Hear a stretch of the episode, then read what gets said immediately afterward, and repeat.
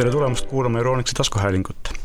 tänase saate vedajaks olen mina, Meelis Väljamäe ja külas on meil Euronixi IT-toodete tootejuht Jaak ning tehnikaekspert Kristjan. tervist! ja täna räägime teemal, mis on üsna oluliseks ja kõigile südamelähedaseks muutunud tänu jätkuvalt kehtivale eriolukorrale, nimelt arvutid, kuidas valida sülearvutit, mis on arvutimaailmas uut ja mida peaks silmas pidama erinevate IT-toodete ostmisel mm. -hmm. et alustame võib-olla alguses uudistest, et ähm, hiljuti, mõni päev tagasi tuli välja uus MacBook Pro kolmteist, mis tähendab seda, et äh, lõpp on, lõpuks ometi on äh, Apple'i tootevalikust väljas siis vähemalt uute mudelite puhul äh, kuulikuulus Butterfly keyboard, mida, mis paljudele meeldis, kuna ta oli hästi vaikne, aga samas millel olid ka omajagu probleeme. ja nüüd siis tulevikus ilmselt enam sellise klaviatuuriga MacBook, MacBook'e osta ei saa mis üldiselt ka tähendab seda, et need inimesed, kellele selline väikse, kergema käiguga ja, ja vaiksem klaviatuur meeldib, need ilmselt peavad kiirustama, et neid mudeleid praegu veel müügil on, mis sa ütled, Jaak? tervist ka minu poolt, jaa, need mudelid on jätkuvalt saadaval ja soovitan kindlasti visata pilk peale Euronixi eh, kodulehele ja hindadele, et eh, alates tänasest on need ka saadaval soodushinnaga. Uued mudelid peaks nende hinnastamine selguma lähiajal aga jah, hetkel on veel saada, nii et tasub pilk peale visata. millal uued mudelid jõuavad, oskad öelda? täpselt infot tarneaegade osas veel ei ole, aga suure tõenäosusega need mudelid võivad ilmuda tellitav staatusega juba Euronix e-poodi järgmise nädala jooksul. nii et üsna pea, et kes tahab siis ja uued protsessorid on ka, eks ole, uutel mudelitel? jaa, äh, kui seda uudist nüüd lugeda, siis just äh, Apple tegi sellise otsuse, et need kaks noh, mudelid, mis on nelja Type-C pordiga, ehk siis natuke need kallimad mudelid, need said siis uuenduse nii-öelda Inteli kümnenda generatsiooni peale aga nagu kahe odava mudeli puhul otsustas Apple siiski kaheksanda generatsiooni protsessoritega jätkata. Ehm, positiivse poole pealt muidugi sisemälu suurus on äh, odava mudeli puhul ehk kahekordistunud siis saja kahekümne kaheksa pealt kahesaja viiekümne kuue peale. ehk sama raha eest saab siis nüüd lihtsalt rohkem toodet? Ehm, jah, võiks nii öelda küll, saab rohkem toodet, et äh, tõenäoliselt peaks kaks viis kuus see hind tulema sarnane, nagu oli eelmine generatsioon, sada kakskümmend kaheksa. -hmm. ja nii nagu Maciga ikka on olnud, eks ju, siis sa pead väga hoolikalt ostes nagu läbi mõtlema, mida sa tahad, sest et pärast sinna mälu ju juurde panna no, absoluutselt jah, et üldjuhul on Apple MacBookide puhul äh, nii RAM kui ka siis sisemälu, ehk siis noh, SSD antud juhul äh, si-, kuidas seda öelda nüüd? joodetud joodetud jah, emaplaadile, eks see mm -hmm. muutmise võimalus puudub. tegelikult see ei ole ka ainult nagu Apple'ile omane, vaid tänapäevastel õhukestel kergetel arvutitel kipub vähemalt mälu olema, RAM olema siis kõigil joodetud enamasti ja siis kangematel, kallimatel ja mänguriarvutitel on ta enamasti vahetatav, mis on suuremad. mänguriarvutitel kindlasti on ta vahetatav, et äh, see on põhimõtteliselt must, aga jah, Dell on väga palju saanud äh, selle eest meedia poolt pragada, et ka nende XPS sülearvutitel on SSD-d ja RAM-id joodetud, et äh, ja kusjuures ka ThinkPadidel äh, on äh, näiteks T-seeria, mis on väga populaarne läbi aastate olnud, ka seal on RAM joodetud. küll on sisemälu vahetatav.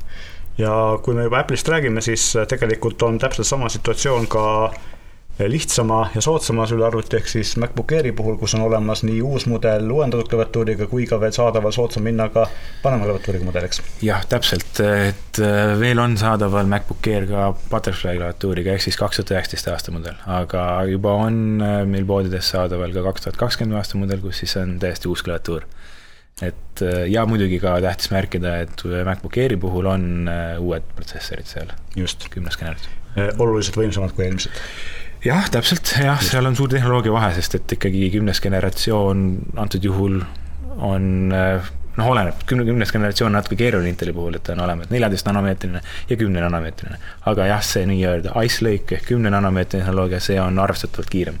ja teine tähtis asi, et ka integreeritud graafika on arvestatavalt võimsam võrreldes varasemate generatsioonidega jah, see on. kas, kas see, kas see väiksema tootmisprotsessiga protsessor siis nagu võtab vähem akut ka?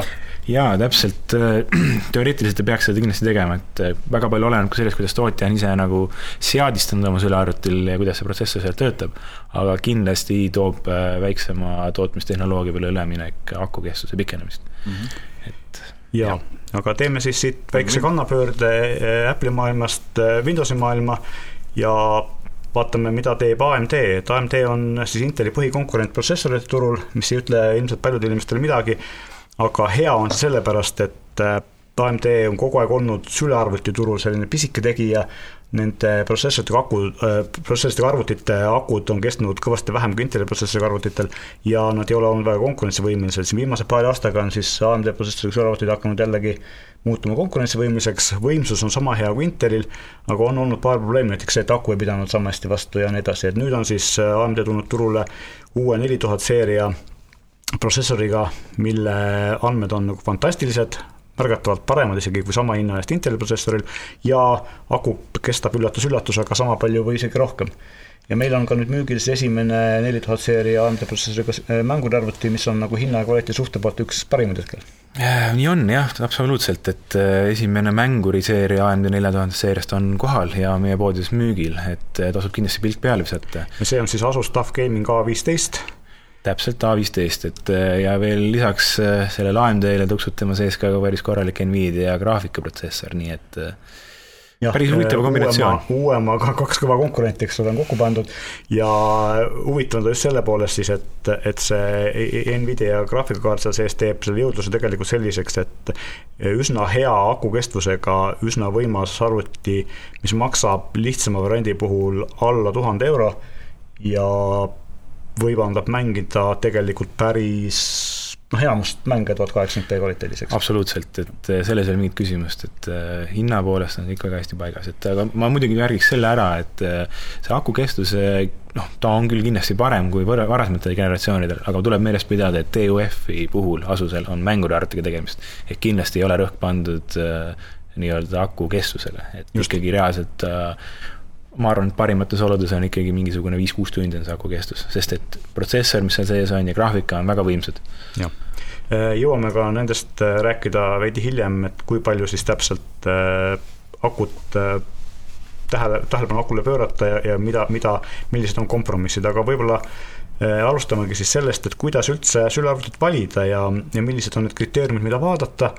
Ja võib-olla hakkaks sellest pihta, et kõige lihtsamates, kõige odavamates. Praegu lapsed on kõik äh, kodus koolis e-õppel ja see tähendab seda, et äh, lapsevanemad kindlasti peavad ka päris palju ostma uusi arvuteid ja ja üsna palju püütakse osta nagu sellist kõige lihtsamat ja kõige odavamat, aga mina julgeks öelda, nagu päris kõige-kõige odavamat siiski nagu ei soovitaks, et seal ta kipub tekkima see oht, et ta jääb üsna kergesti moraalselt vanaks ja noh, te võite arvata, et ta tegelikult nagu töötab ilusasti ja saab asjad tehtud, aga kui te olete nüüd e-koolis ja, ja üritate seal äh, brauseriga midagi teha, midagi olulist ja siis samal ajal on lahti kuskilt osta näiteks Delfi leht, kus on miljon reklaami, siis see võtab ikka päris kiiresti nagu päris aeglaseks ka tänapäevasel lihtsamad odavamad masinad, et et sellepärast vist mingi selline, mina ütleks, kuskil niisugune nelisada eurot on selline hind, millest võib nagu hakata vaatama masinat, mis juba kannatab kriitikat ja ilmselt selline viis-kuussada on selline ju päris hea kodukasutusele arvuti. jaa, kindlasti, et äh, noh, mis ma soovitaks kindlasti vältida inimestel on äh, Celeron äh, protsessoriga sülearvuteid ja kindlasti äh, jälgida seda, et on vähem, on rohkem RAM-i kui neli. kaheksa on tegelikult kindlasti soovitatav. et jah, neljasajast eurist saab täiesti korraliku juba AMD isegi Ryzeniga protsessoriga arvuti, millel on kaheksa gigavatti RAM-i, kaks viis kuus SSD. et kindlasti see on juba piisav paljudeks lihtsamateks kodutöö, kodu, kodus töötamiseks või kontoritööks isegi või siis noh, täpselt õppimiseks. et aga viiesaja, kuuesajast kindlasti seal juba avareb, avareb av,, avanevad rohkem suuremad võimalused, et Õnneks oleme ületanud ka selle nii-öelda kaameliküüru, et enam ei ole olemas tegelikult valikusi ühtegi sülearvutit, millel oleks ainult tavaline vanakooli pöörlev kõvaketas, mis teeb arvuti aeglaseks. absoluutselt. tänapäeval on kõigil SSD-d ja kõik arvutid on tänu sellele võrreldes isegi siin viis aastat tagasi toodetud mudelitega väga palju kiiremad üks asi on kiiremad ja teine asi on see, et äh, tegelikult ka vastupidavamad, et äh, ütleme nii, et äh, kõvakette puhul on alati risk suurem, et midagi võib sellega juhtuda. see on lihtsalt niimoodi, et liikuvate asjade puhul on mingi vastupidavus on teatud aeg, kui asi liigub seal sees. ja tegelikult eriti praegusel ajal ja lastega peredes, kus on palju lapsi ja kus äh, võib-olla on üks arvuti mitmel lapsel kooli kasutuses, siis on nagu see, et võib-olla jääb ta kuskil sinna diivani vahele ja ja kes teab, võib-olla koer rolib otsa, eks, ja sellised asjad, et tugev arvuti võib olla nagu mõistlik ja tegelikult tänapäeval on ka see, et tänu SSD-le, mis on hästi õhuke ja, ja kerge, siis äh, need äh, paremad ja, ja paremini vastupidavamad arvutid on tegelikult ka kerged ja, ja sellised pisikesed, nad ei ole suured kobakad jah, absoluutselt, SSD on andnud võimaluse kõva sülearvutid järjest nagu väiksemaks teha, et see on rõõm näha, et kindlasti on arvuteid, mis on jätkuvalt ka suuremad, sest tuleb tegelikult pidada meeles ka seda, et on ka jahutustähtis aga see tuleb rohkem mängu juba arvutite puhul, mis on äh, veits võimsamad. just, ja siis noh, võib-olla, võib-olla nõuande mõttes ongi selline, et selline neljasaja, viiesaja eurone arvuti sobib nagu piisavalt nagu õpilaseks või teiseks-kolmandaks arvutiks kodukontorisse töö tegemiseks, äh, kus võib-olla natukene olulisem selline aku kestvus ja, ja võib-olla ka natuke suurem jõudlus on võib-olla mõistlik võtta see i5 protsessoriga vähemalt arvuti ja ilmselt algavad kuskil sellest kuuesajast eurost, eks ole, mis kodukontorisse väga hästi sobivad. Jah, et äh, kas i5 või siis AMD-lt Ryzen viis, et see on väga lihtne inimestele aru saada, et, äh, et on viis, et äh, ütleks, et jah, viiendast generatsioonist nii AMD kui Inteli puhul tuleks arvestada selliseid arvuteid. kas siin võib nagu teha seose väikese populaarse autotootjaga, kellel on kolmas seeria, viies seeria ja ma ei oska öelda, võib-olla tõesti neil oli ennem see. Et need generatsioonid tulid, Intel tõi vist esimesena nüüd mängu, et Ryzen, noh AMD muidugi väga kavalalt jõudis nagu hiljem nagu oma võimekusega järgi Intelile. ta muidugi väga turunduslikult väga kavalalt positsioneeris ka oma siis generatsioonid Inteli järgi, et. ikka tuleb kopeerida libetusi. aga jah, kopeerida, aga samas ma tegelikult on väga hea, et nad seda tegid, sest et äh, inimestel on kergem aru saada arvutitest niimoodi. Minu arust oleks palju keerulisem, kui oleks, ma ei tea, Ryzen äh, seitse või no Ryzen viis, Ryzen kuus, vabandust, ja oleks Intel Core i5, et noh, tekiks jälle rohkem mhm. segadust turul mm. -hmm. et äh, kindlasti äh, Core i5 äh,, Ryzen viis alates arvutid on vägagi sobilikud kontori või kodutööks niimoodi. ja, ja noh, kui siis äh, kodukontoris selliste tegevuste jaoks, mis vajavad natuke rohkem, võib-olla mitte ainult päris suurt võimsust, aga natuke rohkem võimsust, tegelikult hästi suur valik on selliseid äh, väga-väga mõistlikke arvuteid, mille hinnad on sinna kaheksa, üheksasaja, tuhande euro all, eks ole, kus on nagu juba siis päris. absoluutselt, et Eleroniksis on tegelikult just päris suur valik just nende Ryzen viite ja Core'i viis arvutite puhul, et seal on võimalik valida erinevate värvide, erinevate disainide, mõned on kergemad, mõned on natukene suuremad, et on paremad ekraanid, on veidikene nagu odavamad ekraanid, et seal on väga palju valikuvõimalust ja just inimesel on võimalik valida endale sobilik sülearvuti, mis sobib tema elustiiliga ja üldse. No ja teine tegelikult, mis on õnneks nagu ära kadunud, mis oli vanasti sellise odavama või lihtsama keskmise hinnaklassi arvuti eh, probleemiks või nõrgaks küljeks oli ekraani kvaliteet, et eh, väga madala resolutsiooniga kehvad ekraanid on ka nagu jäänud üsna ajalukku, et praegu ikkagi enamus sellist mõistlikku hinnaklassi arvuteid on juba tuhat kaheksakümmend px full HD ekraaniga, kus on, tekst on terav ja mahub piisavalt palju ekraani korraga ära. nõus sinuga, Meelis, aga äh, ainult selle järgi kindlasti valida ei saa, sest ei, et äh, väga tähtis on ka näiteks ekraani heledus, et äh, ütleme nii, et on väga suur vahe, kas see on ikkagi kahesaja kahekümne nitine heledus või on sul kolmesaja pluss, on ju, et äh, kui sa just töötad või oled kuskil, kus on, kas päike paistab tuppa või on üldse eredam valgustoas, siis kahesaja kahekümne nitise ekraaniga arvutid on natuke keeruline ekraan. ühesõnaga, et, et lihtsamaks teha siis ekraani vali-, arvuti valimisel lisaks siis sellele äh, resolutsiooni numbrile peaks vaatama ka heleduse numbrit ja see võiks olla vähemalt kolmsada, ütleme lihtsalt Äh, jah, ütleme, et kolmsada võiks olla, aga samas ma ütleks ausalt, kahesaja viiekümnest alates on juba okei okay., ma lihtsalt eriti kui main... on vaja hinnas kompromissi teha, eks. jah, see ongi, tegelikult ekraan on üks valdavalt üks kõige kallimaid komponente õues kindlasti ülearvuti puhul. aga kahesaja kahekümne nitised on tõesti olemas, et ega need kolmesaja, ütleme nii, et kolmesaja, neljasaja eurosed ülearvutid enamasti on ka full HD ekraanidega, aga tihtilugu seal sees on kahesaja kahekümne nitine ekraan. et tasub kindlasti see üle vaadata, et äh, ja mis ta kindlasti veel võiks vaadata, on, kas on olemas IPS paneel, et äh, sellest on küll palju räägitud, aga tasub kindlasti tähelepanu pöörata sellele, et IPS annab siis äh, juurde ikkagi laiema vaatamisnurga inimesele. paremat kontrasti, parema, parema pildi lihtsalt. jah, parem pilt ja ikkagi jah, vaatenurk on suurem, et äh, arvestades, kui palju on võimalik sülearvutit nagu muuta asendit, et äh, siis on kindlasti, mina soovitaks kindlasti jälgida seda, et IPS paneel oleks. aga muidugi, kui on vaja kompromisse teha, võib-olla siis vaadata midagi odavamat. aga kas ekraani suurus on ka mingi selline asi, mida peaks äh, hoolega mõtlema läbi, et võib-olla inimene, kes teeb palju Excelis tööd, ei peaks näiteks seda kaheteisttollise ekraaniga tegema, et et on mingisugused sellised äh, trendid välja kujunenud inimeste seas? no üks, üks trend, mis ma võin välja tuua, et kui varem olid äh, kolmeteisttollised ja neljateisttollised sülarid, siis trend on selgelt liikumas neljateisttolise poole.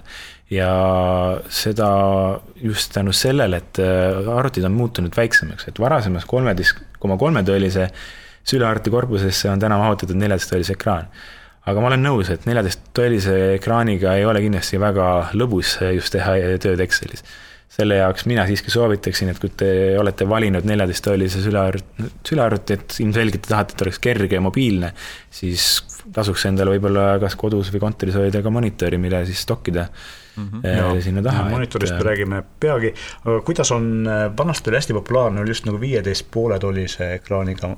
viisteist koma neli oli vist. ja, ja nüüd viimasel ajal viisteist koma kuus, eks, ja kas need on nagu vähenenud ja neljateisttolline on rohkem peale tulnud või? neljateisttolline kasv on, äh, on selgelt nähtav, aga vaieldamatu kuningas Eesti turul vähemalt on viisteist koma kuus jätkuvalt, et seda, seda küll, aga see kindlasti. see, et lihtsalt on, kuna ta on suurem, siis on mõnda asja parem teha, aga arvestame sellega, et ta on ka natukene raskem, eks, et see tähendab seda, et teda on võib-olla natuke kehvem kaasa tassida, aga kui ta on selline kodus äh, pidevalt olev arvuti, siis ei ole ju probleemi. no tegelikult see on suhteline, sest et vanasti olid viieteist koma kuue tollised sülearvutid reeglina kuskil kahe kilo kandis.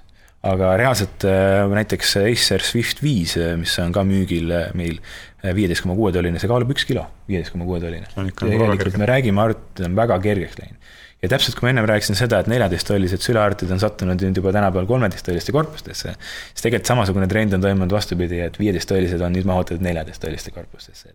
et tegelikult tänu sellele, et sülearvuti ekraani need äh, ääred, bezelid on viidud samamoodi noh, väga väikseks. ehk äh, põhimõtteliselt ongi ainult ekraan ja klaviatuur jäetud, siis äh, arvutid on kerged, osaliselt on kompaktsed ja tegelikult ikkagi sul mahub sinna viisteist tolli ekraan sisse, et on kindlasti vaadake ka viieteist koma kuue tolliseid sülearvuteid, seal on äh, olemas väga kergeid ja äh, variante. olgu, ja kui me räägime nüüd äh, väga populaarsest teemast ja see on mängurid, väga paljud inimesed tahavad mängida, konsoolid on hästi populaarsed, aga väga palju mängitakse ka järjest rohkem arvutitega, sest mängud on läinud odavamaks, väga palju on tasuta mänge, mis on hästi populaarsed, Fortnite ja nii edasi, siis tegelikult on ju ka väga suurt revolutsiooni teinud mänguriarvutite turg, esiteks on läinud mänguarvutid, korralikud mänguarvutid kõvasti soodsamaks, nagu me just praegu rääkisime sellest AMD protsessori kasvusest, mis maksab alla tuhande euro ja tegelikult saab ju nagu sellise lihtsama mänguarvuti lausa mingi seitsme-kaheksasaja euroga praegu. täpselt meeldis, see tegelikult äh, põhi, see on täpselt õigus, seitsmesaja euroga saab täna Euronixist arvuti, millega saab igati juba mängida, et on olemas äh, Inteli äh, kas on siis jah, üheksanda generatsiooni äh, protsessor ja Nvidia graafikakaart ja kõik on olemas seal. üheksa. teiselt poolt äärmuses on siis see, et need inimesed, kes tahavad nagu kõige-kõigemat sülearvutit mängimiseks ja kaal, akukestvus, sellised asjad ei ole võib-olla tähtsad, aga tahavad võimalikult suurt võimsust ja võimalikult ägedat masinat, siis need on ikkagi sellised päris mitmetuhandesi mudeleid on ka, absoluutselt, meil on kogu äh, plead ja, ja lisaks siis on mänguarvutite teine huvitav trend see, et järjest on läinud odavamaks ja, ja lähevad nagu alati kõik asjad eh, tehnika arenguga võimsamaks, on tegelikult ka mänguriarvutid läinud oma võimsuse juures kõvasti odavamaks, noh, seda me juba rääkisime, kõvasti kergemaks. ja teine selline huvitav trend on see, et kui vanasti olid mänguriarvutid hästi sellised noortele or orienteeritud, hästi säravad, värvilised tulnuka disainiga, tulnuka disainiga, eh, kandilised nurgad ja hästi palju tulukesi, siis tegelikult see, see trend muidugi jätkub, sest et eh, ikkagi mängurid nagu eelistavad selliseid masinaid, aga tegelikult on hästi palju turul ka nüüd selliseid tagasihoidliku klassikalise disainiga arvuteid, mis nagu ei näe välja kui selline standardne mänguriarvuti ja tegelikult on nagu sisu, sisu poolest nagu täiesti mängurimasin absoluutselt, et äh, tootjad on aru saanud, et on äh, erinevaid tüüpi mängureid, et äh, on hardcore nii-öelda mängurid, kellele võib-olla meeldib üks natuke teistsugune disain, aga on olemas ka niisuguseid mängurid, kes on ju hommikul lükkavad ülikonna selga, lähevad kontorisse tööle võtavad selle arvuti kaasa, tahaks ka seal kasutada seda, aga pärast sellesama arvutiga võib-olla tuleb koju ja tahaks natukene ka game ida. et äh, on aru saada, et, et arvuti ei, ta ei saa olla ainult jälle mängimiseks, et ta võib olla hübriid, on ju. Ja siin võib-olla saamegi minna edasi sellise viimase kategooria jaoks, mis on siis äh, arvutid, mis sobivad sellistele inimestele, kes vajavad oma tööks äh, väga suurt võimsust, et äh, võib-olla siis näiteks videotöötlus võib-olla mingi suurem fototöötlus, mingisuguse disainiga tegelemine.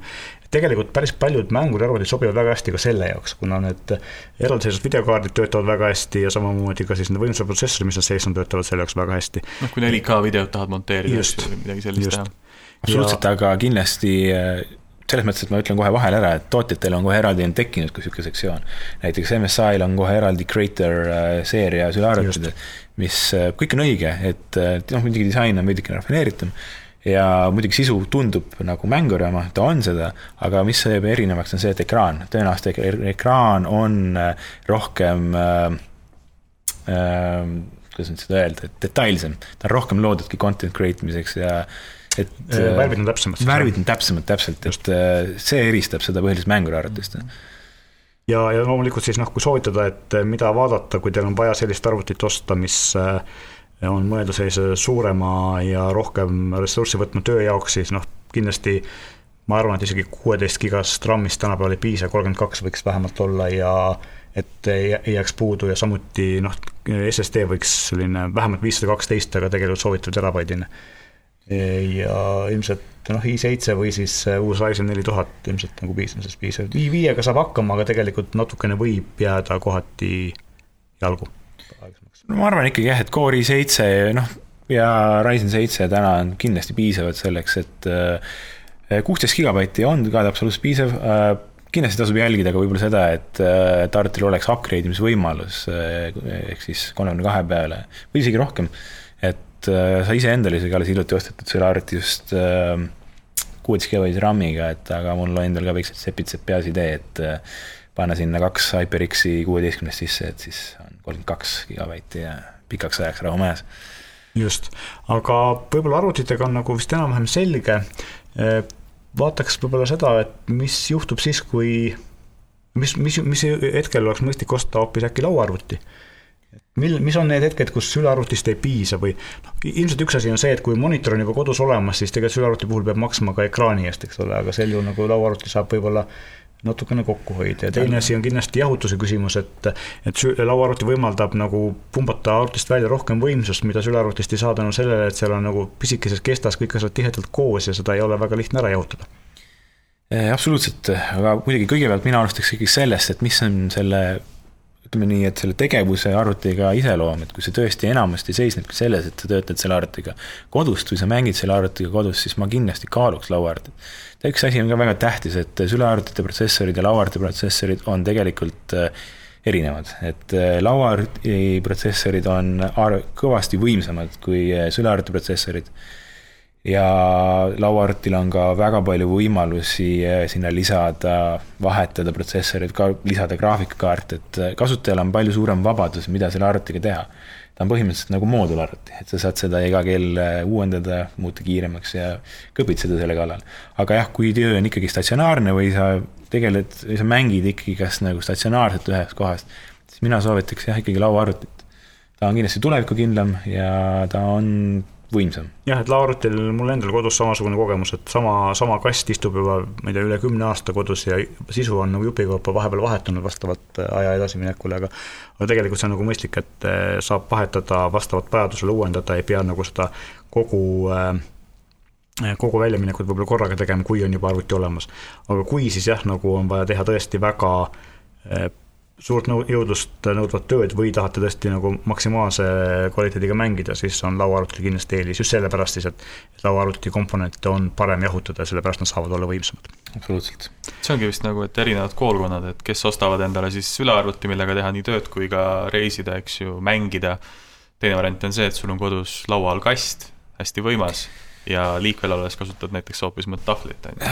Nagu või, mina... või väiksemat sülearvutit. no ma olen aru saanud, tegelikult noh, kes võtavad sulle seda ka mängimist natuke tõsisemalt, et siis tegelikult ikkagi nagu kodus neil on lauaarvuti selleks, mis on nagu põhitööriist, aga siis sülearvuti on nagu ka nagu siis lisa et kui oled liikvel, et siis on võimalik see kaasa võtta mm. -hmm. noh, tegelikult on ju ka sülearvuteid, noh, tegelikult jah, kui just Kristjan ütles, et eh, tahvelarvuti, siis iPadidel ja ka siin näiteks Samsungi tahvlitel on olemas ju väga mõistlikud klaviatuurilisad. nüüd tuli ka iPadile kursori ja touchpad'i tugi, nii et tegelikult sellise lihtsama sülearvuti asendajaks ta töötab väga hästi. et surutakse kõvasti seda sülearvuti asenduse ja, mõtet. ja lisaks on see olemas ka puutetundliku ekraaniga ja sellised nii-öelda sada kaheksakümmend kraadi ümberpööratavad sülearvutid, mida saab nagu põhimõtteliselt ühe hetkega Äh, muuta ta sülearvutist tahvliks ja vastupidi, mis on sellised hästi universaalsed asjad. hinnad muidugi on enamasti sinna tuhande euro kanti ja üles, aga inimestele, kes on vaja vaata võib-olla teha tööd nagu käigu pealt ja väga palju ringi liikuda, mingeid märkmeid teha, on need variandid väga mõistlikud mm,. täiesti nõus sinuga, et äh, kindlasti märgiks siinkohal ära, et tasub ka jälgida neid nii-öelda pööratavaid sülearvuteid Euronics äh, valikus, et see on väga hea hübriidlahendus, et äh, ta ei ole küll nagu eraldatav äh, siis klaviatuurist, aga samas äh, need hakkavad hinnaga tegelikult neljasaja viiekümnest eurost kuni tuhandeni, seal on väga palju erinevaid variante, et kui on inimene, kes on harjunud kasutama näppe, et oma content'i nautida, siis internetis või arvutis, siis kindlasti on see üks lahendus. jah, ja noh, sellised tuntumad, eks ole, mudelid HP Spectre ja Enviseeria X360 ja Microsofti Surface. Äh, kindlasti ei tasu ära unustada ka Lenovo Yoga seeriat, et äh, ja mis, kusjuures, kui Envist tuleb juttu, siis äh, just täna potsatas mu kasti kiri, et et mai lõpus peaks kohale jõudma ka uued Envi kolmsada kuuskümmend pööratavad arvutid Ryzen neli tuhat seeriaga, et tasub silmad lahti hoida. olgu, aga vahepeal räägime siis äkki veel ka siia arvutite, lauaarvuti juurde monitoridest, et, et me seda ära ei unustaks, tegelikult monitori valik on ka nagu hästi oluline ja ja monitorides on ka toimunud tegelikult täpselt samasugune hüppeline areng, et minu arust on läinud nagu hea kvaliteediga monitorid üsna odavaks võrreldes sellega, mis nad vanasti olid. absoluutselt, et äh, ütleme nii, et vanasti kuskile sinna saja euro kanti ikka vaatasid, mis sealt saada on, oli noh, väga palju tegid äh, mööndusi tegema ostu puhul aga täna juba hakkavad tegelikult äh, põhimõtteliselt saja euroga saab korraliku Delli äriklassi äh, monitori juba kätte, millel on IPS Full HD ekraan ja heledus on täitsa okidoki, nii et äh, ja natukene investeerida juurde, siis on juba, tulevad seal täispõõratavad lahendused, et tõesti, et monitorid on läinud soodsaks, nad on kättesaadavad suuremale osale inimestele ja kindlasti tasuks seda kaaluda, et nagu ennem sai mainitud, et võib-olla on kolmeteist või neljateist tolline sul arvuti, aga kodus on hoopis nagu monitor.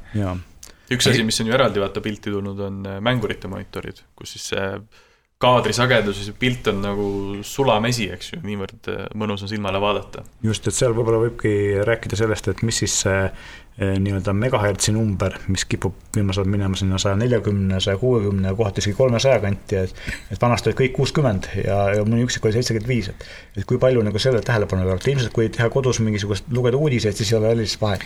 kui mängida, siis on nagu vahe päris suur. ei, absoluutselt, et äh, inimsilm äh, ütleme nii, Delfit vaadates sa kohe kindlasti ei saa sellest absoluutselt aru, et kas sul on sada nelikümmend neli hertsi või kuuskümmend hertsi. või ka videot vaadates. vabandust, et äh, aga jah, sada nelikümmend hertsi on tegelikult täna siis äh, esimene äh, mänguri siis äh, kaadrisagedusega monitor ja olen ka ise kasutanud päris pikalt sada nelikümmend neli hertsi ja noh, ütleme nii, et kui mängida näiteks Counter Strike'i või mõnda muud kiiret FPS-i, siis, siis see tuleb kõige paremini välja. ekraanil pilt on tõesti sujuv ja noh, nagu Kristjan selgitas ka niisugune pehme, kuidas see see on üks, üks väheseid asju, mida sa pead nägema enda silmaga, et sa võid vaadata videost, eks ju, Youtube'i, aga Youtube'i noh, sagedus Just. on teatavasti kuuskümmend kaadrit sekundis, nii et sul jääb justkui pool ela-, elamusest saamata, et selles mõttes äh, õnneks on poed olemas, kus saab neid äh, oma silmaga näha siis kuidas need toimivad? kõige, kõige, kõige just positiivsem see, et kui nagu varem me rääkisime sellest, et sada nelikümmend neli hertsi monitorid, no ütleme nii, et Benku oli üks esimesi, kes tõi hinna kuskile sinna kahesaja viiekümne euro kanti, see oli veel vist mingi kaks aastat tagasi, et täna me ikkagi räägime juba, et saja kuuekümne, saja seitsmekümne euroga saab kätte juba kahekümne nelja tollise saja neljakümne nelja hertsise monitori, et tõesti, nad on kättesaadavad väga mõistlik, aga siin on ka ilmselt paslik rääkida ka monitoride ekraani tüübist, nagu me rääkisime sülearvutite puhul, et IPS on kindlasti nagu üks märksõna, mida vaadata ja VA ilmselt on siis teine. TN on selline, on ka jätkuvalt. mida võib-olla vähemalt selliseks pildiga töötamiseks ei tasu ilmselt võtta no, mängimiseks veel. läbi käima, et ja. mis lühenditest praegu juttu oli? meil on jah, kolm tehnoloogiat on valdavalt, et äh, kõige vanem ja kõige tuntum on TN tehnoloogia, et äh, ütleme nii, et äh, ei paista silma ühegi väga erksa värviga või paistab silma soodsa hinnaga. soodsa hinnaga, aga tal on üks tähtis asi, miks TN-i jätkuvalt kasutatakse, et äh, reageerimisaeg TN monitoridel on olnud alati suhteliselt kiire. Odava ja samas ta ei ole väga kallis tehnoloogia, et seda pakkuda inimestele. Et äh, sellepärast on DN monitor jätkuvalt päris palju saadaval. aga siin ongi minu arust see vahe, et äh, nii IPS ja VA ehk siis teised kaks alternatiivtehnoloogiat, äh, IPS toodab siis LG põhiliselt ja, ja mõned Hiina tootjad ja siis monitoritootjad, kes LG paneeli kasutavad ja siis VA on pigem nagu Samsung ja Sharpi tehnoloogia. ja, ja nemad siis on tegelikult oma hinnas nagu kõvasti alla tulnud, et vanasti oli DN märgatavalt soodsam, nüüd on siis nagu IPS VA paneeliga monitorid tegelikult ei ole enam nii palju kallimad, kui vanasti olid absoluutselt, et äh, just see viimane LG nano IPS tehnoloogia, mis on tulnud ka monitoridesse, eriti mänguseerias, on tõesti positiivne. kui varem tegelikult on kritiseeritud IPS-i, et reageerimisaeg on olnud äh, ikkagi kõrge, siis tegelikult täna me räägime nano IPS paneeli puhul ikkagi, et ongi üks mikrosekund. millisekund, jah. millisekund, vabandust, äh, on reageerimisaeg, aga samas sul on kas on näiteks kakssada nelikümmend või sada nelikümmend neli hertsi veel paneel ja sul on IPS-i tehnoloogia, mis annab väga erksad värvid ja vaatamisnurga, et äh, ütleme nii, et äh, GBA ja IPS-i vahel on läinud see valiku tegemine palju keerukamaks tänu sellele, et IPS-i hinnad on alla tulnud ja mis puudutab siis nüüd resolutsiooni, suurematel monitoridel kipub olema suurem resolutsioon, siis seal tegelikult ilmselt tasub vaadata seda, et mida sa selle monitoriga teed, et mängimiseks,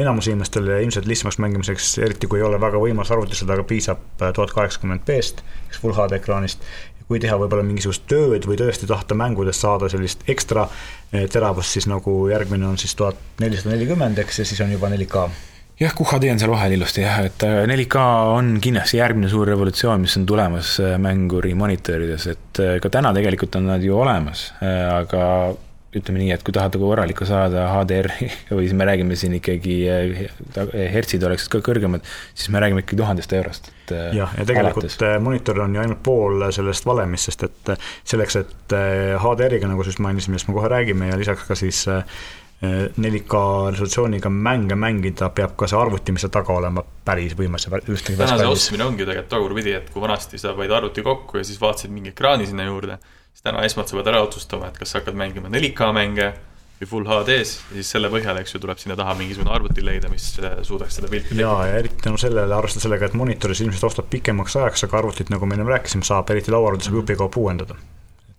see on nagu kindlasti asi, mida silmas pidada. ja viimane asi võib-olla monitoridest on tegelikult siis äh, asi, mida me juba mainisime, eks selline kaval kolmetäheline äh, lühend HDR, eks mis äh, lihtsamalt öeldes on tehnoloogia, mis toob välja varjudest hästi eredatest kohtadest hästi tumedatest kohtadest pildist detaili, mis muidu kipub ära kaduma.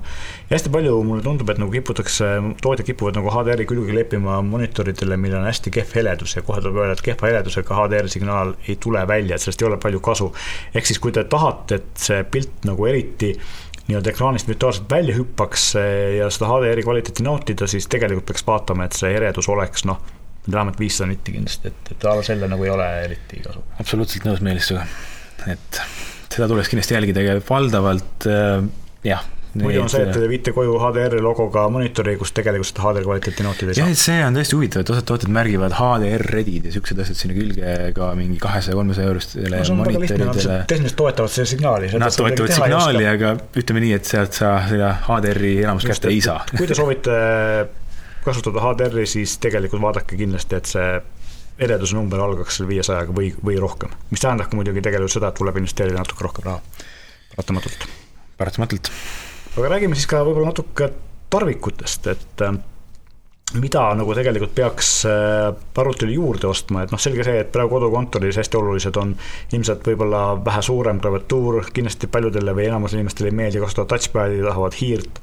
Et mis siin nagu oluline on, et kas hiir peaks olema juhtmega või ilma? mis vahe on mängurihiirel ja kontorihiirel, räägi meile sellest ütleme nii, et kont kontori äh, hiiril ma ütleks nii, et kontorihiire puhul tegelikult oleneb kasutusmugavusest, kas inimene soovib äh, juhtmevabat või juhtmega, et äh, juhtmevabal, äh, ise mina olen juhtmeva kasutaja, et ainus negatiivne aspekt, mis kontorihiire, juhtmevaba hiire on, aeg-ajalt saab tühjaks. Et sul on lihtsalt vaja, et sul oleks kindlasti kaabel siis kaasas. et üldiselt minule ka meeldib sellepärast kasutada juhtmeva hiirt, et äh, mitme seadme vahel vahetumine on tehtud väga lihtsaks, eriti Logitechi hiirte puhul, kus on tegelikult võimalik ju programmeerida kolm seadet sinna külge ja ühe nupuvajutusega vahetada nende seadmete vahel. Äh, palju lihtsam, kui juhet välja kiskuda ja panna järgmise arvuti taha või ma ei tea, teleka taha, on ju. Aga juhtmega hiire eelis on kindlasti see, et tühjaks ta küll kunagi ei saa. et äh, vool tuleb arvutist, on ju hind on ka vähe soodsam. hind on soodsam, äh, muidugi jah, ütle jah, kontorihiirte puhul on kindlasti äh, hind soodsam, et juhtmega hiired tegelikult ju kaovadki juba põhimõtteliselt kahekümnest eurost valdavalt ära. ja mänguarvuti puhul või mänguhiirte puhul kipub ikkagi olema see, et juhtmega hiired on levinumad, kuna nad on siiamaani olnud nagu töökindlamad ka soodsamad ja mänguri puhul, hiirte puhul on ka oluline kindlasti hiire kiirus, eks ole, reaktsioonikiirus, selle lüliti reageerimise kiirus ja seal nagu väidetavalt vähemalt on siiamaani olnud probleemiks ka see, et juhtmed tahiirtel siis on ta aeglasem.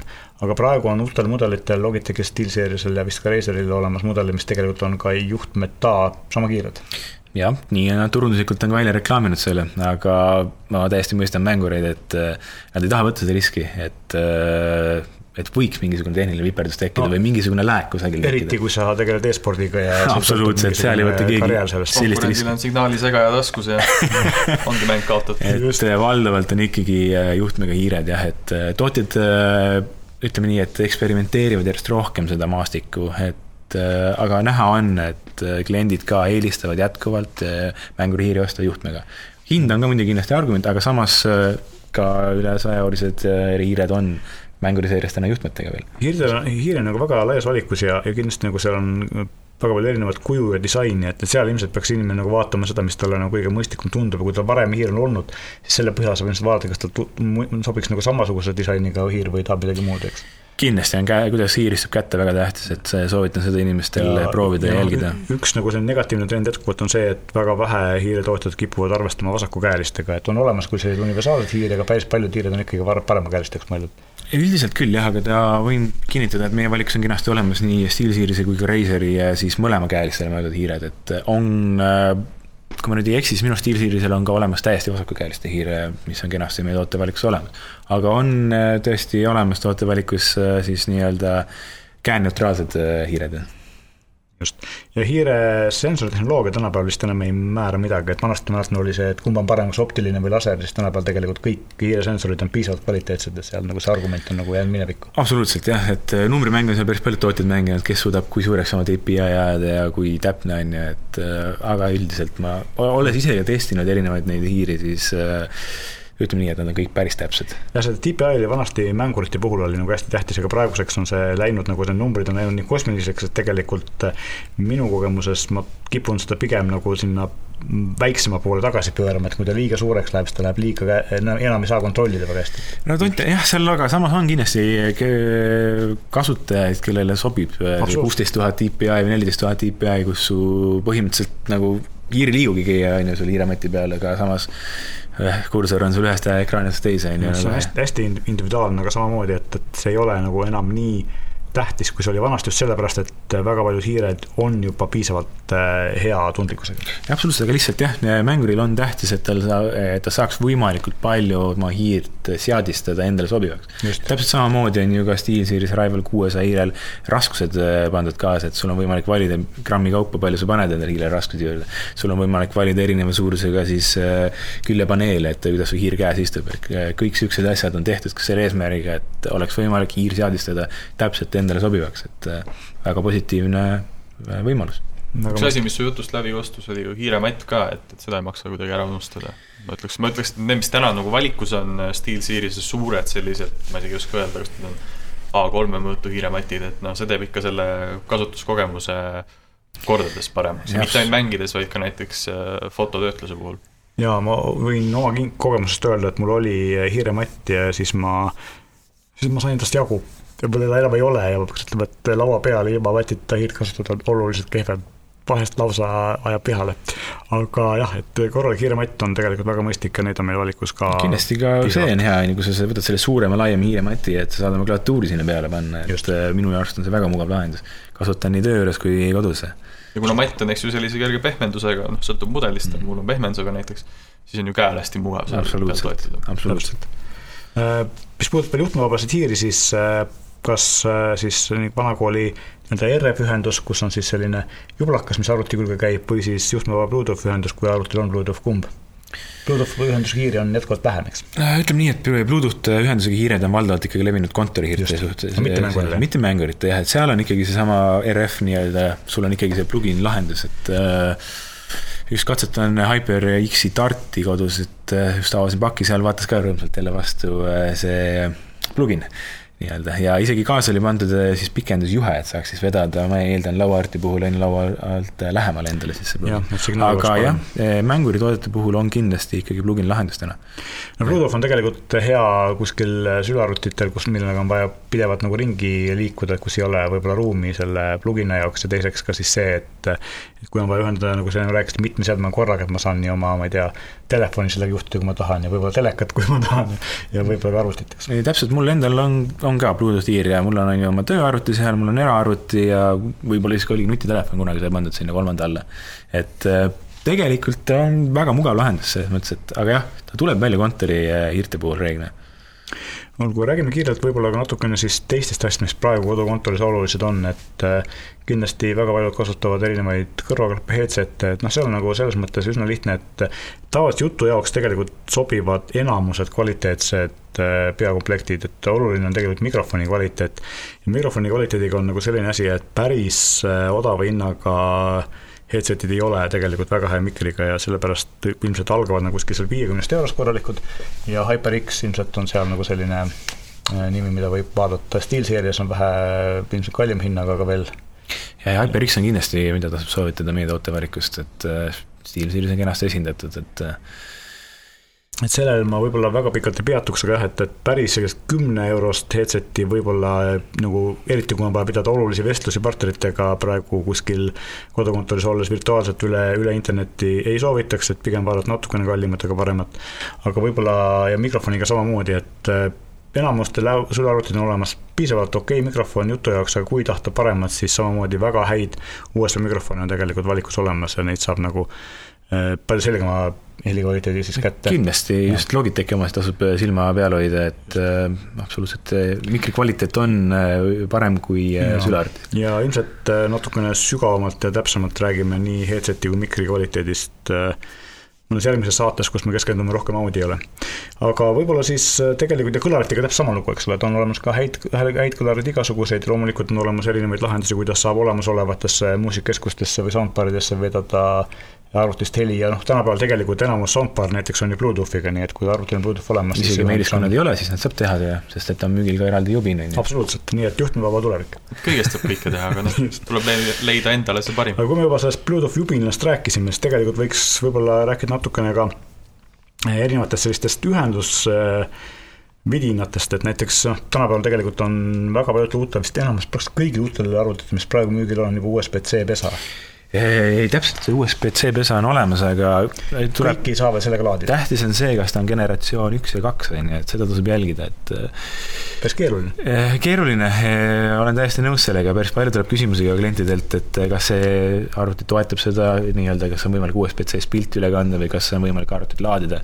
et eh, hetkel töötame selle kallal, et see info oleks ka kergemini ka meie kodulehelt saadaval tulevikus. väga suurepärane, sest tegelikult arvuti laadimine üle USB-C on selle peale hea, et kui sul on nüüd selle päris võimas äh, USB-C laadija, mis arvutiga kaasa tuleb, sest sellega saab tegelikult laadida ka enamasti nii näiteks äh, lihtsamaid asju, nutitelefoni, ma ei tea, kõrvaklappe äh,, minu pärast tahvelarvutit, eks ole, selliseid asju nagu tegelikult piisab ühest laadijast, kõik seda ära teha. et seda ei maksa karta, et võimas laadija, mis on sülearvutil kaasas, kui on USB-C pesaga, sobib alati ka laadima lahjemaid asju, sest et arvutitootjad teevad nad piisavalt kvaliteetsed, nad on sertifitseeritud. absoluutselt, et äh, olen ka ise kasutanud USB-C laadijat, äh, mis on sülearvuti mõeldud ka telefoni laadimiseks, et tegelikult just reisile minnes äh, on väga mugav, et äh, ja. ma saan oma arvutiga telefoni laadida täpselt samast laadest, et vapustav. just, ma teen ise sedasama, et mul on äh, laua peal on siis sülearvuti laadija, millega ma päris tihti laen telefoni ja see on nagu väga mugav. aga see laadimine on üks osa sellest äh, noh, mis tulevikus, mis on tulemas, mis tegelikult on juba olemas, on ju.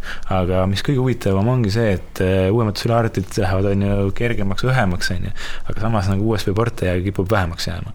aga selle eest seesama üks imeline USB-C port on tegelikult võimalik laiendada äh, ka võrgu, võrgukaarte on võimalik seal muuta, on ju, sinna on võimalik tuua loendamatu arv täis USB-sid juurde, on ju, mis kõik töötavad. lisaks äh, saab sealt samast august tegelikult muuta HDMI-ks ehk siis lisada lisamonitore taha, et äh, tulevikus äh, on tõenäoliselt igal inimesel kotis igaks juhuks olemas ka USB-C dokk või üleminek. ja neid on meil ka erinevaid valikusse olemas. meil on valik kasvab praktiliselt iga nädal, võin öelda, et ja huvi nende toodete vastu on samuti kasvanud ja et tänu sellele on ju võimalik tegelikult lisada oma ühele sülearvutile isegi kaks või kolm monitori ja me rääkisime siin enne nendest erinevatest äh, arvuti kombinatsioonidest, et ju üle USB-C tegelikult Thunderbolt sa saad äh, ühendada ka välise videokaardi. absoluutselt. sa saad oma selle pisikese siis ütleme, stiilse äriklassi arvuti muuta korralikuks mängumasinaks. et äh, seal on ainuke nõue ainult on Thunderbolt toega, et just. kui ta on Thunderbolt toega, siis ta on piisavalt toetuste kiirus, et siin just ühe tootjaga toimuvad praegu just läbirääkimised ühe niisuguse lisa, ehk siis välise videokaardi äh, kasti müügile toomiseks ka Euronixis, et kui kõik läheb hästi, siis ma arvan, et kuskil juuli-august on see toode ka meil müügil. ootame huviga. Suurepärane ja lõpuks eh, USB-C koha pealt ma ütleks seda, et kui te ostate kaablit näiteks sülevat laadimiseks mingi laadija külge, mis on eraldi, kus, kus käib kaabel küljes, kus ei ole kaabel küljes, vaid kuhu saab kaabelit pista, siis kindlasti peaks vaatama, et see kaabel oleks kvaliteetne, et kõik USB-C kaablid ei ole mõeldud suure voolutugevusega laadimiseks. mis tähendab seda, et kindlasti peaks vaatama, et kaabel oleks piisavalt kvaliteetne ja et ta oleks kõige odavam, kõige lihtsam kaabel. Et see on nagu hästi oluline. Äh, üks nagu võib-olla negatiivsem, natuke negatiivsem osa USB-C laadimise puhul on see, et enamasti sellist suurt voolutugevust nagu arvutid vajavad, seal nelikümmend viis vatti üles, ei saa edastada kaabliga, mis on pikem kui kaks meetrit. ehk siis nagu et seda ma Meelis ausalt öeldes ei teadnud, aitäh sulle. no enamasti on jah, et, et proovi sa leida kolmemeetrist, eh, mis tagab näiteks sada vatti, ei ole olemas. vähemalt ei ole nii lihtne leida noh, kui sa tead. ma pean vaatama, mul just meil jõuavad varsti nüüd müügile Hama sajavatised USB-C universaallaadijad, et eh, pean siis juhtmekaabli selle üle mõõtma ma üritasin endale osta ühte ja ma noh, isegi kahemeetrist oli päris keeruline neid on, aga enamus kipuvad olema poolteist või meeter. aga mhm. üldiselt mm -hmm. see on nagu vist USB-C-st ja, ja sellise arvutite laadimise ja universaalse ühenduse tulevikust nagu suhteliselt kõik, aga räägime võib-olla korraks natuke ka. ma ühe asja, Meelis, tahan ikka öelda vahele ära, et äh, siin on olnud, eks ju, mõtteid, et äh, milleks USB-C, et USB nii-öelda siis kaks punkt null, vana hea, äh, ühepoolne USB on väga hästi toiminud, siis tegelikult nüüd on just ju turule jõudnud äh, ma ütleks, äh, rahvaautode kuningas, äh, Volkswagen Golf kaheksas põlvkond, ja kui sa sellesse autosse sisse istud, siis seal on ainult USB-C pesad. Ehk siis see, see, see, see muutus on toimunud, seda enam tagasi ei võeta, arvestage sellega, et USB-C on tulevik. kui juba autodes on sees, siis tähendab, et tulevik on kohal. just. ma just lugesin tegelikult ka Notebook Checkis uudist, et USB ütleme nii, et järgmised standardid, kiirused lähevad ainult veel suuremaks. mis annab meile veel rohkem võimalusi tulevikus, et võimalik, noh, see näiteks kõige suurem võit, mis seal räägiti, ongi see, et USB-C peaks toetama nüüd tulevikus 4K äh, resolutsiooni ja sada nelikümmend neli hertsi kaadri vahetust, on ju, et äh, see saab olema päris võimas. kõige kangemad mängurimoniitorid üle USB-C ühenduse täpselt. pinge. aga tarkvara, et äh, kindlasti päris palju on räägitud esiteks viirusetõrjest, kas on osta vaja, miks on osta vaja, kas tasub tõmmata mingisugune tasuta pakutav äh, alternatiivversioon või piisab sellest, mis on arvutis sees, et äh, minu nägemus on selline, et kui teil piisab sellisest lihtsamast kaitsest ja, ja siis tegelikult piisab äh, Microsofti enda omast, mis on Windowsiga kaasas kui soovite paremat kaitset, siis tasub osta tuntud tootja tasuline versioon, et üldiselt tasuta alternatiivversioonid ei ole paremad kui Microsofti poolt tasuta pakutav ja eh, vastupidi, et võib kippuda, et te hakkate nägema väga palju reklaame, kui te kasutate mõnda tasuta alternatiivviirusetõrjet, mis sina sellest arvad? tasuta viirusetõrjed, kindlasti, see reklaam, mis neil selle juures on, on ka üks ainus võimalus, võimalus neil midagi nagu teenida aga jah, selles mõttes Microsofti enda poolt kaasa antav viirusetõrje on äh, võib-olla kindlasti piisav inimese jaoks, aga ma ikkagi juhiks tähelepanu sellele, et äh, noh, näiteks F-Secure või Kaspersky, et äh, need on ettevõtted, kes tegelevad päevast päeva viiruste avastamisega ja nende nii-öelda siis väljaravimisega. et suure tõenäosusega ikkagi need kaitseprogrammid, kui need on teie arvates olemas, leiavad ennem üles pahalase, kui Microsofti enda oma. ja, ja lisaks äh, üks äh, viirusetõrje selline eriomadus, millest palju ei räägita, on see, et teil on hästi palju selliseid äh, vanemliku kontrolli omadusi, et saate lastel panna, keelata ära mingite lehtede külastamise lihtsamalt, kui see muidu oleks võimalik. absoluutselt, jah, see on ütleme nii, et jah, ta annab rohkem, kui on tarvis, siis needsamad programmid annavad ka rohkem kontrolli. ehk siis Just. ülevaadet või nagu järelevalvet, et mis on saadaval arvutis, et seda võimalust teil Windows kaasa ei anna. päris palju küsitakse ka seda, et kui ma ostan endale Windowsiga arvuti, et kas ma siis saan Office'i kaasa, siis noh, vastus on see, et Office'it kaasa ei saa, Microsoftil on olemas tasuta lihtne Office'i versioon, mis töötab pilves, ehk siis mida saab kasutada brauseris, aga kui nüüd on äh, soov ikkagi kasutada Excelit, Wordi äh, ja ma ei tea, võib-olla Outlooki niimoodi nagu pidevalt, siis tegelikult Office on väga hea investeering. Office'it siiamaani toodetakse kahes versioonis, eks on selline igavene, et ostad korra, maksad päris palju raha ja siis ta on sul kogu aeg arvutis. ja siis on selline kuu- või aastamaksuline versioon, mis tegelikult minule väga meeldib, sest et eriti mulle meeldib see Office'i perepakett, kus on siis viis kasutajat ühe suhteliselt soodsa hinnaga ja eriti mulle meeldib see, et iga kasutaja saab endale terve terabaidi pilveruumi mis täpselt. on, mida ei maksa alahinnata, et kui su pildid on seal ikkagi nagu sa sellest maksnud, tähendab seda, et Microsoft on saanud sinu raha ja, ja hoolib su su failidest ilmselt natuke rohkem kui tasuta lahendused, siis äh, tegelikult ähm, see tera andmemahtu on nagu igasuguste asjade varundamiseks väga-väga äh, palju ja väga-väga hea lahendus eriti tasuks seda kaaluda, kui näiteks teil on sülearvuti, kus on ainult sada kakskümmend kaheksa gigabaiti ainult kaks viis kuus SSD sees, et just. väga mugav äh, lahendus Microsofti poolt. ja just sa mainisid, on ju, et see on äh, kas viiele või kuuele kasutajale, viiele vist oli. Et äh, kui on ikkagi mitmel inimesel või mitmel arvutil, mitmel seadmel seda vaja kasutada, siis tegelikult tuleb kindlasti üpris odav lahendus tegelikult. et noh, ta tavahind on sada eurot, eks ole, see viiene komplekt ja tegelikult aeg-ajalt päris tihti tehakse neile ka mingeid sooduspakkumisi, nii et. oleneb jah, et jah, see home lahendus äh, nüüd just äh, tulebki turul, tegelikult nüüd jõudis müügile meile, et äh, varasemast Office kolm kuus viis Home'ist on nüüd saanud Family. et väikene nagu rebranding on tehtud, tegelikult on seesama Home, et see toode on nüüd ka müügil meil Euronixis, et kindlasti kui hakata arvutama ja vaatama neid hüvesid, mis sealt tulevad kaasa, siis äh, mõistlik investeering. just, ehk siis tegelikult äh, sellist, äh, sellisel tasulisel ja mitte väga kallil tarkvaral on tegelikult eeliseid, millele me üldse ka mõelda ei oska, et tegelikult äh, see esimene, esialgne asi, et ma teen seal Excelis mingeid arvutusi või kirjutan Wordis mingeid äh, dokumente, tegelikult pakub palju paremat ja see kindlustunne, mis sa sellest saad, kas või sellest faili back-up'ist on tegelikult palju väärtuslikum, kui see hind, mis sa sellest maksad. ja veel arvestades seda, on ju, kui kiire internet tegelikult Eestis on, siis on lausa lust tegelikult sinna pilve peale oma asju üles laadida. et äh, ei ole mingit nagu väga suurt nagu delay'd, et äh, või noh, ei pea kaua ootama, kuni see asi sul üles läheb, tegelikult on ju võimalik seadistada nii, et ta kogu aeg valvab sulle, et on kõik back-up itud absoluutselt ja minul töötab ta samamoodi, ma olen sellega, selle lahendusega väga rahul.